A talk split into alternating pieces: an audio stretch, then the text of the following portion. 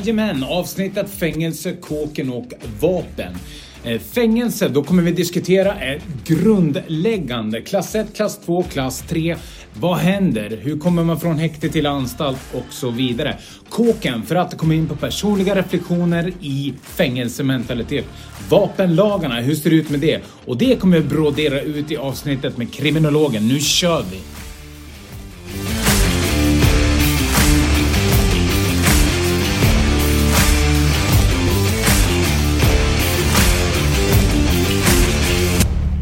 Hej och välkommen till dagens avsnitt. Idag ska vi prata om fängelse, kåken, anstalt eller vad ni vill kalla det. Vi kommer även komma in på lite vapenlagar och det här är precis som vi har skrivit på våra Instagramkonto Gynnestamspodden. Följer ni inte det konto, gå in och följ där för uppdateringar så vet ni vad som kommer komma framöver, även vilka diskussioner vi har där som ibland debatteras livligt och det är bra.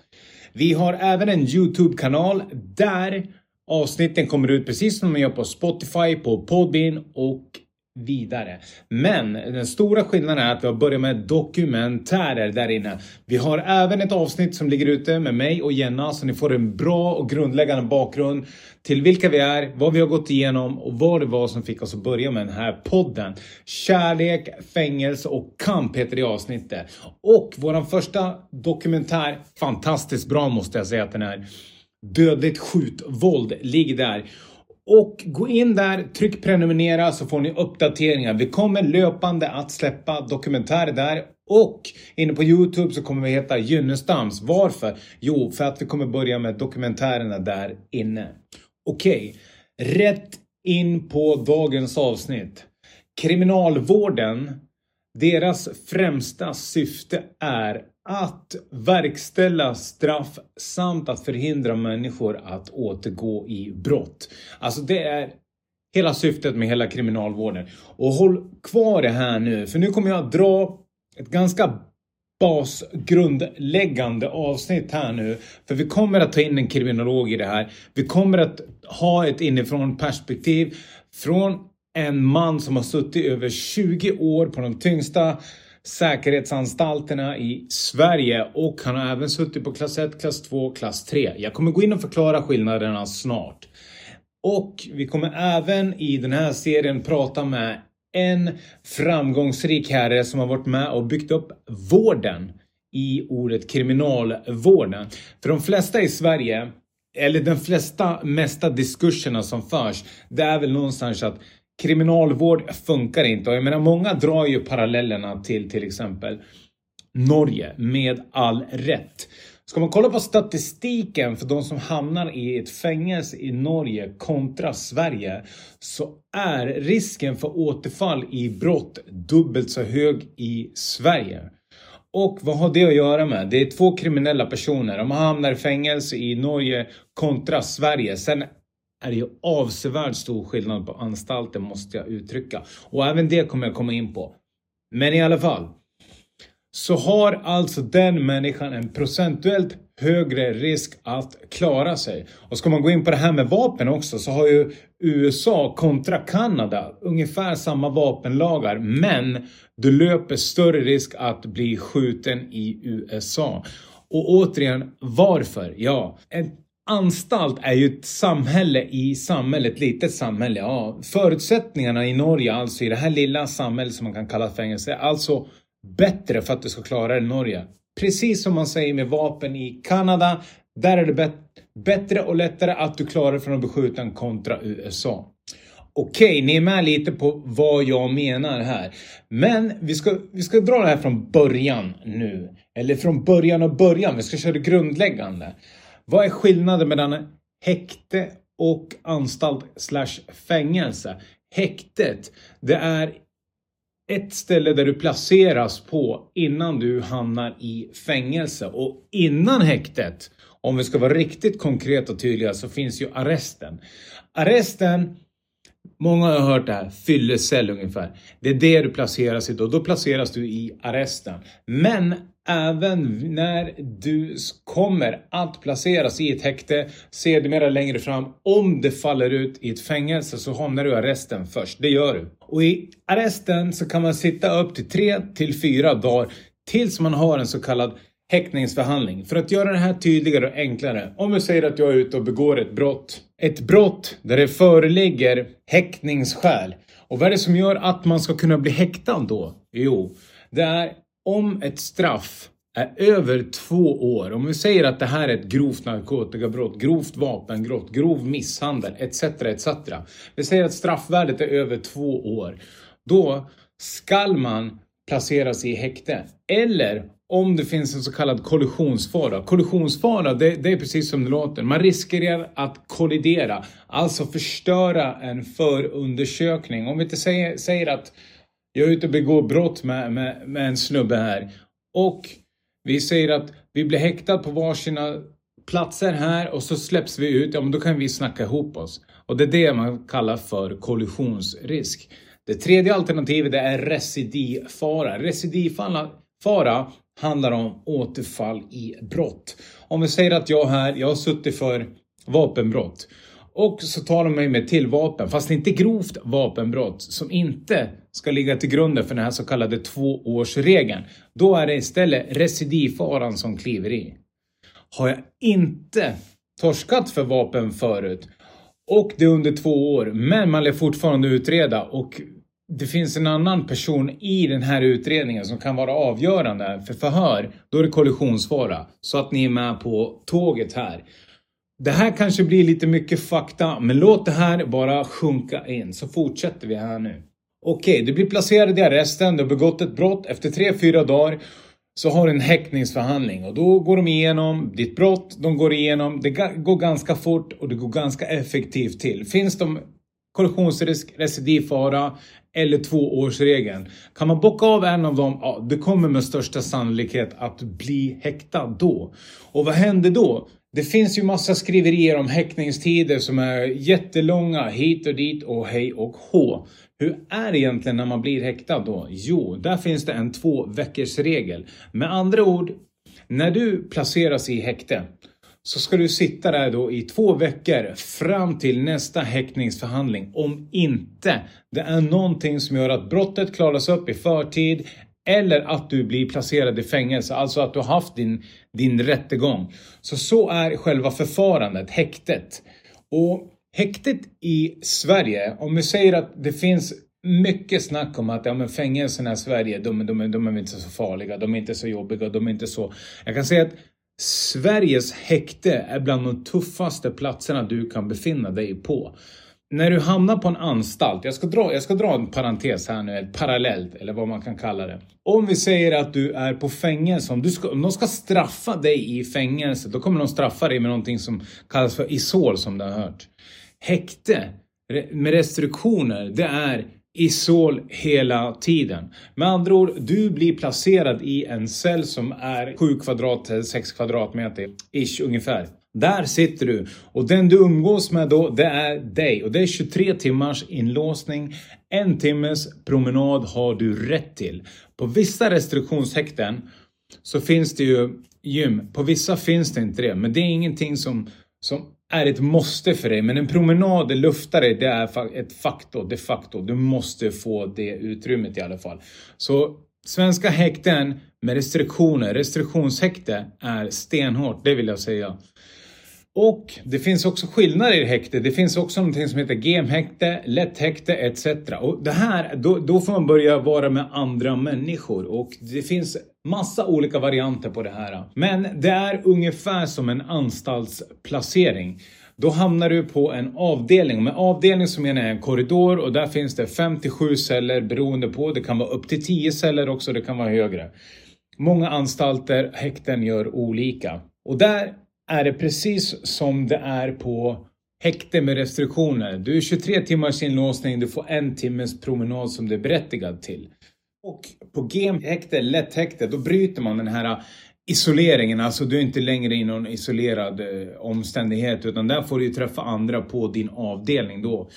Och jag kommer komma tillbaks till det här sen. Jag kommer prata om förändringar inom kriminalvården här nu på tal om sektionering. Så håll kvar det här med sektionering. Och jag kommer dra vidare till att förklara det här med anstalt. Det finns ju olika klasser här. Och det finns någonting som heter anstalt klass 1, klass 2, klass 3. Så vad är skillnaden då egentligen på de här äh, anstalterna? Jo, det är att Klass 1 och klass 2, det är slutna anstalter. Där är det grindar, det är murar och det är hög säkerhet. Du, du ska inte kunna rymma därifrån. Klass 3-anstalten, det är ingen mur och du har en så kallad fotboja, elektronisk övervakning runt din fot som gör att du kan gå en viss, en viss, ett visst avstånd utanför, utanför anstalten och då får du vistas ganska fritt. Men vi kan börja att vi tar från klass 3 nu. Där vi avslutar så går vi tillbaks upp till klass 1. Vad är det för människor som då placeras på en klass 3-anstalt? Jo, det är människor som är dömd första gången. Det kan vara låg ålder. Och det är så att brottet inte klassas som ett grovt brott. Alltså har du begått allt ifrån till och med grov bilstöld till grov misshandel, grovt vapen etc. etc. Men då är det inte stor risk att du hamnar på en klass 3-anstalt. Det kan finnas särskilda skäl som gör att du hamnar där i form av låg ålder, alltså du är första gången förbrytare, kanske 18 år och begått en grov bilstöld första gången. Ja, då kan du hamna där. Ni förstår någonstans vad jag menar. Klass 3-anstalter, det är också så att där, människorna som placeras där, de har inte för lång verkställighet. Verkställighet, det är tiden du ska sitta i fängelse. Blir du dömd till ett år, alltså 12 månader, så sitter du åtta månader i Sverige. Varför sitter man två tredjedelar? Jo, för att det helt enkelt ska belöna sig att sköta sig. Men ska man verkligen vara krass och hård med det här klimatet ser ut inom svenska kriminalvården så vet inte jag någon som har suttit hela sin verkställighet. Förutom om de har kommit ut och miss, misskött frivården. Men det kommer jag komma in på lite längre fram. Men jag vill bara att ni ska ha med det i bakskallen. Okej, okay. klass 3. Öppna anstalter. Det är inte så tunga förbrytare. Eller finns det tunga förbrytare där? Jajamän, det finns. Det finns någonting i svenska kriminalvården, i, i fängelsesystemet som heter nedklassning. Det betyder att det kan finnas en människa som har suttit på en klass 1-anstalt vi säger att en människa har begått ett mord. Han har suttit här på en klass 1-anstalt. Han har skött sig. Det finns ju någonting som heter god skötsamhet. Vad handlar god skötsamhet? Att du inte drar på dig varningar. Att du, att du sköter med andra ord. Och Varningar kan man ju dra på sig. Att du kan ju allt ifrån att du kan pressa andra intagna, slåss med andra intagna. Så kallad otillåten påverkan. Vad betyder det? Jo, att du försöker kontrollera de som är anställda. Och det här är en väldigt vanlig företeelse som används flitigt av kriminalvårdare, skulle jag vilja uttrycka det som. Och används flitigt av de intagna. Med andra ord att det är mycket krockar. Man vill ha mer om de sitter inne. Det är inte konstigt. Och man vill begränsa för att inte skapa konflikter i klientgruppen om jag ska uttrycka det så. Alltså de som sitter på avdelningen. Så vi säger här att vi har en människa som har begått mord. Han har alltså inte hållit på med något sånt här tjafs, jidder, bråk eller konflikter. Han kommer på en klass 2-anstalt, samma lika där. Kommer han klassas ner till en klass 3 direkt då om vi säger att han har 8 år kvar? Nej, det kommer han med största sannolikhet absolut inte att göra. Varför? Även om man sköter sig? Jo, för att strafflängden då är för stor. Även om man skulle kunna tillgodose sig en klass 3-anstalt i form av skötsamheten.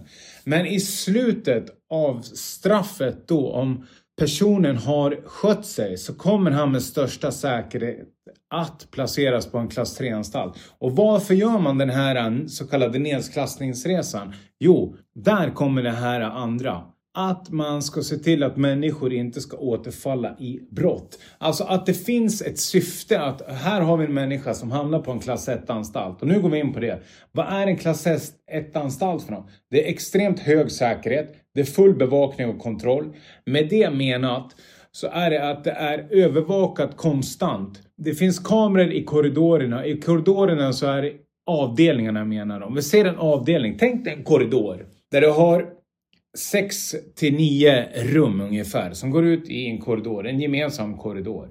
Och i de här rummen så befinner sig cellerna och där är det allt från en, en sängplats till två sängplatser. Var det så förut i Sverige? Nej, men det är så nu. Och det är så man har löst frågan om överbeläggning. Man har tryckt in en extra cell där inne. Fotnot. I alla fall.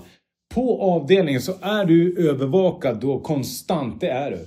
Och sedan finns det ju också i fängelsesystemet. Om du kollar på Saltvik, om du kollar på Kumla och du kollar på Hall. Då finns det de så kallade Fenixavdelningarna.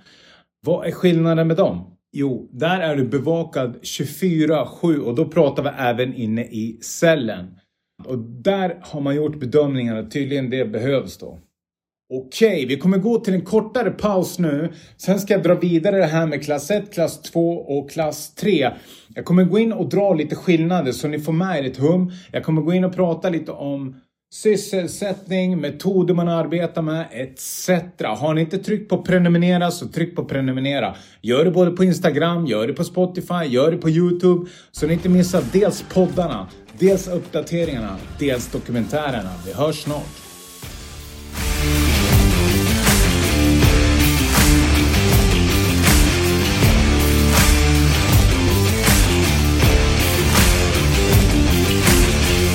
Okej, Junestamspodden, vi är tillbaks. Vi pratar om anstalten just nu och klassificeringarna här nu. Och jag kan säga så här, klass 1 som nämnt. Hög säkerhet, full bevakning, kontroll. Kontroll menas att det finns den här elektroniska övervakningen i form av kamerasystemet. Och Klass 2, det är blandad säkerhet. För där finns det båda höga klass 2 som till exempel Skänninge, till exempel Gävle ända ner till låga tvåor som till exempel Halmstad är då. Och där är det olika grader av bevakning. Vissa har ju murar. Om vi kollar på till exempel Österåker är en klass 2-anstalt men har en mur. Varför har de en mur? Jo, för att det har varit en klass 1-anstalt som har blivit en klass 2-anstalt. Och man skulle kunna tänka så här, konkret enkelt. Klass 1-anstalterna, Kumla, Hall, Saltvik, Hällby, Norrtälje, Salberga, Tidaholm. Oviktigt egentligen vad de heter. Klass 1-anstalterna har mur omkring sig. Sen har de ju delat upp klass 2-anstalterna. Det är också slutna anstalter. I olika segment. Liksom. Som nämnt så har Österåker en mur här. Men höga tvåor, om vi säger så. De har ofta två stängsel. Till exempel som Skänninge, Gävle, Fossi i Malmö. Sen har ju de här äh, låga tvåorna, de har ofta ett stängsel omkring sig. Och varför har de det? Jo, för att det någonstans ska signalera att du närmar dig friheten. Och den här klassresan som nämns, som man gör, det är ju någonstans en resocialiseringsprocess. Om vi säger att du har en, du har en man här återigen då, den här mördaren säger vi som har begått mordet. Och så säger vi att han här, han har en god skötsamhet. Vi, vi, tar, vi tar en fallbeskrivning nu. Vi har två olika, olika fall med honom. Vi säger att han befinner sig här tufft sektionerad. Med sektionering så menar jag att du befinner dig enbart på avdelningen om du inte är på sysselsättning, skola eller ASV. Det är aktiviteter som man erbjuds i olika grad på olika anstalter och det kommer jag också komma in på. Återigen, tillbaks till storyn. Vi säger att han har begått det här mordet. Han har bara suttit tufft sektionerad med andra busar på en klass 1-anstalt och han, han, han får 18 år. Han ska avtjäna 12 år och vi säger att han befinner sig bara här då på en klass 1-anstalt. Och sen från de där 12 åren så ska han gå från den anstalten, pang tjong, rätt ut i friheten. Alltså det glappet är ganska stort kan jag säga. Varför är det glappet stort? Jo, för att han har befunnit sig med tuffa förbrytare och han har befunnit sig på en hög grad av säkerhet, bevakning och kontroll. Och kontroll, det är inte bara den här eh, kamerabevakningen utan kontrollen är också på klass 1-anstalter och det här har man börjat med på höga tvåor för att nämna Skänninge. Att de har börjat, okej, okay, de går in och gör en visitation, en daglig visitationsrunda där man går in, du får gå ur ditt rum, de går in och kollar ditt rum. Nu säger jag rum istället för cell, för det låter mer okej. Okay. De går in där och kollar ditt rum, du får gå ut, ut med armarna, de kollar igenom dig och allting så här. Och det kan man tänka så här, ja men det är väl inte så, så allvarligt om man gör det. Men det, det, det skickar ändå signaler till dig. Jag menar, miljöterapi finns ju som en terapeutisk insats för människor av en anledning. Jag menar varje gång du åker på semester eller, eller går till gymmet eller kanske går ut i en schysst trädgård eller någonting. Det är miljöterapi för dig. Varför gör man det? Jo, för att man vill må bättre. Okej, okay, vad är det här som de säger, SD, straffverket? Jo, men det där påminner dig konstant om att du sitter inne, konstant om att du är en kriminell. Jag menar, om vi går ut här i samhället nu och så kommer polisen och så ser du att de står utsträckt med någon armarna, någon står och blir visiterad. Vad får man för tankar när man ser en sån händelse? Man tänker att den personen är kriminell, den personen är misstänkt för någonting, den personen etc. etc. Vad man nu vill tänka. Kan man också tänka att okej, okay, där har de någon som de trakasserar. Klart att man kan tänka det, men vilka människor är det som tänker att åh, där är någon som blir trakasserad. Ofta kriminella själv som har blivit utsatt för det här. Men vad det än är, eller hur, eller på vilket sätt det än är, så är det fortfarande det som sker. Du blir visiterad. Att bli dagligt visiterad hela tiden, det skickar signaler till dig, som jag säger. Så om vi säger att man går från den formen av kontroll och inskränkningar, att när du slussas, slussas, då menar jag att du går från avdelningen till exempel till din sysselsättning och när du går därifrån så går du igenom en sån här stålbåge, ut med armarna, töm fickorna. Om du får göra det dagligen, kontinuerligt hela tiden och sen gå direkt ut i samhället under x antal år. Ja, då kan det bli lite för stort hopp om man säger så. Så det finns ändå ett syfte att man går från en klass 1 till en klass 2. Det är lite mindre bevakning. Det kan vara öppnare. Bara det att det inte är en mur. Du kan se genom stängsel. Du kan se uppåt lite, lite, lite bättre. Är det bra? Nej, det är inte bra. Men är du skyldig och begått ett brott precis som jag har gjort? Absolut. Det är bara att ta det, tyvärr. Klass 3-anstalterna sen när du kommer dit, du får börja ha dina egna kläder, du får börja lagna din egen mat och ett stort incitament till en högre grad av frihet. Förutom att du kan gå ut och slippa se stängsel eller mur. Det är också att du blir inlåst på avdelningen men du blir inte inlåst i din cell 1945 eller 1845 som det är på klass 1 och klass 2 anstalterna. Där blir du inlåst i din cell i cirka 12 timmar per dygn. Är det full isol. Det går inte att komma ifrån. Sedan finns det andra incitament, alltså ett inifrån perspektiv också. När jag sa att den här klass 1-killen här nu som har blivit dömd för mord, han sitter med tuffa förbrytare. Och det har att göra också med mentaliteten på en klass 1-anstalt. Bara till skillnad ner till en klass 2-anstalt. Den, den är också väldigt stor. Och vad har det att göra med då? Jo, klimatet där inne. Till exempel, om du har ett ärende inne hos kriminalvårdarna slash plitarna som det uttrycks det är inte bara att gå in där och prata med en kriminalvårdare då. Varför? Jo, ofta så är det en paranoid kultur som försiggår där inne. Att människor är rädda för att man ska gå in och avslöja någonting, lägga någon för någonting. Med andra ord gola, snitcha, you name it. Så att den kulturen på en klass 1-anstalt, den är ganska mycket mer tydligare än vad det är på till exempel en klass 2-anstalt. Förekommer det där på en klass 2-anstalt? Absolut så förekommer det så, men det är lite mer Lite mer okej, okay, lite mer slappare. Beroende på vilken klass 2-anstalt du befinner dig på ska jag verkligen uttrycka det. Och till exempel om du kommer ner på en klass 3-anstalt där där får inte du till exempel fråga en annan person vad den personen sitter för. Och någonstans handlar det om att kriminalvården vill inte att man ska prata om brott, man ska prata om annat, man är närmare samhället och även de som befinner sig på klass 3-anstalt. Där finns det den här eh, så kallade frigången också, att du kan de facto ha ett jobb, inte en sysselsättning på anstalten utan att du kan eftersom du har en elektronisk övervakning, gå till en faktisk plats att arbeta och sedan komma tillbaks också. Så det är ju ganska nära där. Men om vi ska gå tillbaks till, till klimatet inne på en klass 1 och klass 2 anstalt också. Nu vet jag det här eftersom jag tyvärr har befunnit mig på de här platserna. Med det sagt så är det inte så lätt för många av de här personerna som vill bli nedklassade att gå till en klass 3-anstalt. Varför? Jo, för det finns en rådande inre mentalitet att Vänta, ska du sitta på en klass 3-anstalt med massa pedofiler, golbögar och kvinnoboxare och allting? Du vet att det är därför man inte får frågan om varför de sitter där. Den kulturen, det klimatet existerar inne på en klass 1 och en klass 2-anstalt liksom. Och, och är det en sanning att det kanske är så på en klass 3-anstalt. Jag vet inte. Jag har aldrig varit på en klass 3-anstalt. Men det jag vet däremot om är att det förekommer det snacket. Vilket gör att många personer då helst inte vill söka sig till en klass 3-anstalt.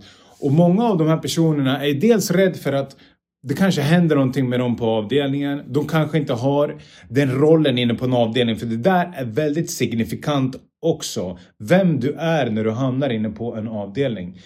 Är det avgörande? Absolut så är det det. Det gör också att människor inte riktigt kanske vill söka sig neråt. Så vad händer då med den här personen som vi säger har begått ett grovt brott? Han har hamnat på en tuff klass 2-anstalt. Han har inte riktigt de här äh, förutsättningarna att vara en tuff kriminell inne på en avdelning. Han blir utsatt för den här äh, terroriseringen av andra intagna.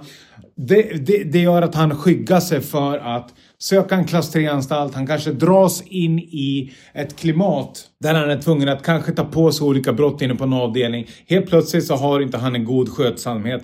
Helt plötsligt så kan inte han få en permission. Helt plötsligt, absolut är det han som har satt sig i den här situationen i form av anstalten. Absolut så är det det. Men vems ansvar är att just den personen är placerad på den avdelningen där han kan bli utsatt för det här våldet? Det är kriminalvårdens ansvar. Och det finns i Sverige idag tyvärr så är det fullproppat på anstalterna. Hur har man löst det här? På tal om pedagogik, att inte återfalla i brott. Har man löst det genom att bygga ut eller kanske utvidga det till baracker eller kanske liksom återanvända andra anstalter som är nedlagda? Nej, det har man inte gjort. Har man löst det här genom att anställa mer kompetent personal och kanske satsa på den statliga myndigheten i form av löner, vidareutbildning? Nej, det har man inte gjort. Hur har man löst det här problemet då? Jo, som jag nämnde tidigare, du gör dubbelbeläggning. Med dubbelbeläggning så menas det att, att du hamnar två personer i en cell. Och jag kan dra ett exempel, till exempel Skänningeanstalten här. Där har du en avdelning som är avsedd med utrymme, luft och allt vad det innebär för nio personer. Men där är det placerat 12 personer. Vad händer då? Jo, det blir ett sämre klimat. Det blir lättare att folk stöter sig med det. Plus att det blir många felplaceringar i form av människor som kanske inte ska sitta med de människorna som är där inne. Och inte nog med det, vad händer då när en människa äter upp en annan människa in på en anstalt? Om vi säger att du kommer in på, på, på en sån avdelning här nu. Vi, vi tar avdelningen med nio platser. Där finns det tre singelrum. Resten är en dubbelbeläggning, andra ordet är två. Då finns det ett kösystem som kriminalvården ska tillhandahålla. Det vill säga att den som har suttit längst den får ett singelrum. Då säger vi att vi har en skötsam kille här i relation till andra människor som befinner sig på avdelningen. Vi säger att det här är tuffa förbrytare kontra en människa som egentligen inte ska vara här. Men varför är han placerad där? Jo, för att det är korvstoppning i systemet. Alla klass 3-anstalter är fyllda. Vad händer då? Ja, du kommer bli placerad på en klass 2-anstalt. Med största sannolikhet är det det som sker i Sverige just nu. Okej, vi säger att han har suttit på den här avdelningen. Det är en hyfsat lugn avdelning. Sen kommer det in två, tre predators inne på den här avdelningen. Vad kommer de göra då? De kommer 100% käka upp han. Det kommer ske och det sker dagligen inne på anstalterna idag. Med andra ord, vi säger att den här killen har ett singelrum här nu. Vad kommer de göra? De kommer skicka honom från avdelningen. Vad menar jag med skicka? Jo, trycka larmen och säga vet du vad, jag kan inte vara kvar här inne. Vad händer då? Jo, den personen som blir utsatt för det här våldet. Inte nog med att han blir utsatt för det här våldet. Han kommer hamna på Isol också. Och vad händer med då med kösystemet? Ja, men de kommer närmare ett singelrum. Vill alla sitta i ett singelrum? Det är klart man vill göra det. I mina ögon. Och nu pratar vi i mina ögon. Jag säger inte att det här behöver vara en sanning eller någonting. Men jag vet det är idiotiskt att ha dubbelbeläggning och singelrum på samma avdelning. Varför? Jo, för det här kommer förekomma. Vad händer när du också har gjort en tuff sektionering som man har gjort inom kriminalvården? Och vad är en tuff sektionering? Om vi backar bandet innan covid till exempel. Och nu tar jag Gävleanstalten som, som ett exempel här nu. På GM-häktet där. Då har du fyra avdelningar med fem, med fem eh, rum fem celler. Det var öppet så alla de där personerna kunde gå, kunde gå emellan och prata med varandra och så. Och det gjorde också att det blev lugnare. Vad händer om du liksom tar bort det här? Du låser alla de här dörrarna. Var man tvungen att göra det under covid? Absolut. Är man tvungen att göra det nu? Nej. Varför har man inte släppt upp det? Det blir mindre att det stöter det. Tänk om vi tvingar in dig i ett rum med tre personer. Vem du än är. Okej, okay, du kan säga att jag har inte gjort mig skyldig till det här, men under covid så blev alla mer eller mindre isolerade. Så är det. Och de som led mest i samhället var våra pensionärer.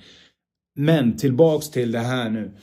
Vi säger att det blir tajtare samhälle på grund av någon form av restriktion. Du tvingas in i ett mindre sammanhang. Vad händer? Ja, men det blir inte bra. Det är bara att kolla på arbetsplatsen du befinner dig Om det blir förändringar, där, där det blir marginaliseringar, det blir stigmatiseringar, det går tillbaks i utvecklingen, det blir mindre, du får mindre resurser. Kommer det ta på dig? Ja, men det är väl klart att det kommer ta på dig. För om man tar ifrån en människa någonting det är klart att det påverkar en människa. Och tvingar man in människor i mindre utrymmen, närmare med varandra, i utrymmen som inte är avsedda ens för det. Det är väl klart att folk kommer stöta sig på det. Och de här frågorna kommer jag verkligen att penetrera med den här mannen som har suttit länge inne i fängelse, vad som händer. Tidigare till exempel också, så fanns det på anstalten en kiosk. Och med en kiosk menad, då var det de facto en liten kiosk. Där det fanns en person som stod och sålde, du kunde kolla in i kiosken. Kiosken nu har de ersatt med form av ett A4-papper. Det är vad som är kiosken idag, där du får skriva i någonting. Och vad gör man då också? Jo, man tar bort de här naturliga övergångarna ut mot ett samhälle där människor får känna sig lite mer friade. Och vad händer till exempel med människan som är ett djur? Alltså ju mer normala saker du tar bort, ja, men ju mer onormalt kommer du att bete dig. Är inte det sunt förnuft så vet inte jag vad sunt förnuft är. Och med det sagt så ska vi ta en liten kortare paus här, men låt det där sjunka in.